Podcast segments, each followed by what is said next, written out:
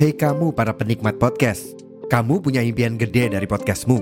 Tools di First Story bisa banget bantu kamu. Mulai dari F-Link, Dynamic Audio Insertion, sampai statistik yang komprehensif, semua ada di First Story. Gak ketinggalan, kamu bisa monetisasi podcastmu lewat iklan dari First Story Ads yang bisa kasih kamu penghasilan dari setiap place podcastmu. Yuk gabung sekarang dengan klik di firststory.me. Sekali lagi, di firststory.me. Mari kita bawa mimpi podcastingmu menjadi kenyataan.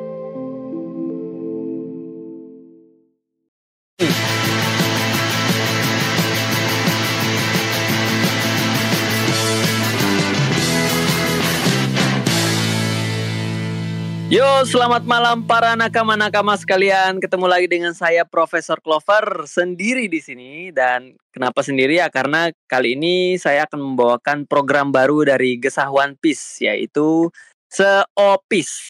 Apa itu Seopis? Yaitu singkatan dari Sekilas Opini One Piece ya. Jadi di sini paling kita akan membahas tentang opini-opini kita hanya mungkin satu topik aja tapi enak untuk dibikin bahan diskusi buat nakama-nakama sekalian, oke? Okay?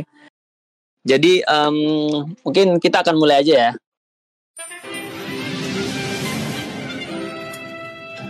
Nah, opini dari gua nih, menurut kalian, kira-kira dragon ini memakan buah iblis sebelum dia keluar dari marin atau setelah dia keluar dari marin?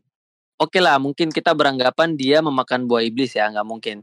Mungkin ya seperti teman-teman perkirakan dia memakan buah iblis bertipe angin. Entah itu zod, uh, mythical zoan ataupun logia kita mungkin sepakat bahwa itu adalah jenis kekuatan angin oke? Okay?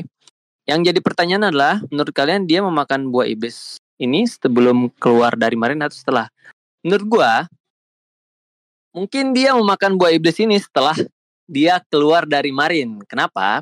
Karena fleksibilitasnya untuk uh, ke mana-mana aja itu dalam membentuk pasukan revolusioner army itu lebih terjangkau, lebih cepat gitu. Karena kita ketahui bahwa revolusioner army ini dia seperti kayak pasukan cepat saji gitu. Jadi kayak misalnya ada uh, kerusuhan nih di negeri ini langsung hadir, langsung hadir. Jadi kayak Dragon ini dalam mengumpulkan pasukan juga lebih fleksibel dengan kekuatan angin ini. Kenapa gue bilang ini bukan sebelum Marin? Mungkin karena ya anaknya Garp. Mungkin Garp ya kita tahu lah. Garp itu dalam melatih anak-anak itu sangat loyal seperti Aokiji, si mm, eh, Kobi.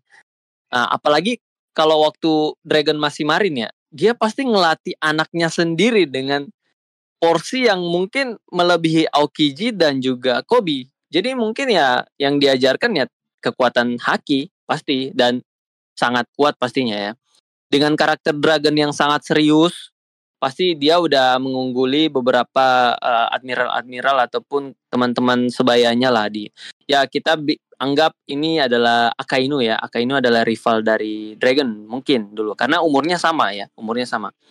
Jadi menurut gua sebelum uh, Dragon keluar dari Marin, dia adalah pengguna haki full kayaknya seperti Garp, seperti layaknya bapaknya. Tapi setelah dia keluar dari Marin, dia membutuhkan se sebuah kekuatan yang bisa membentuk pasukan revolusi army itu sangat cepat, satset satset. Jadi ya mungkin dia mendapatkan kekuatan itu setelah keluar dari Marin, entah dia menculik mencuri buah iblis yang ada di Marijua, terus dia keluar ataupun dan sebagainya. Nah, menurut kalian nakama-nakama sekalian, kalau misalnya kalian punya pendapat lain nih, tolong tulis di komentar dan mungkin kita akan menjadikan uh, komentar kalian sebagai bahan diskusi ya. Karena ini jujur sangat membuat saya penasaran. Dragon ini memakan buah iblis sebelum atau setelah keluar Marin gitu. Oke, Paling hari Minggu kita akan bacakan komentar kalian. Tolong tulis opini-opini kalian di kolom komentar. Sekian dari saya Profesor Clover. Bye bye. Mungkin next minggu depan kalian akan ketemu dengan Rama atau Rizal Bayu dan lain-lain. Oke. Selamat malam. Terima kasih sudah mendengarkan seopis sekilas opini One Piece. Bye bye.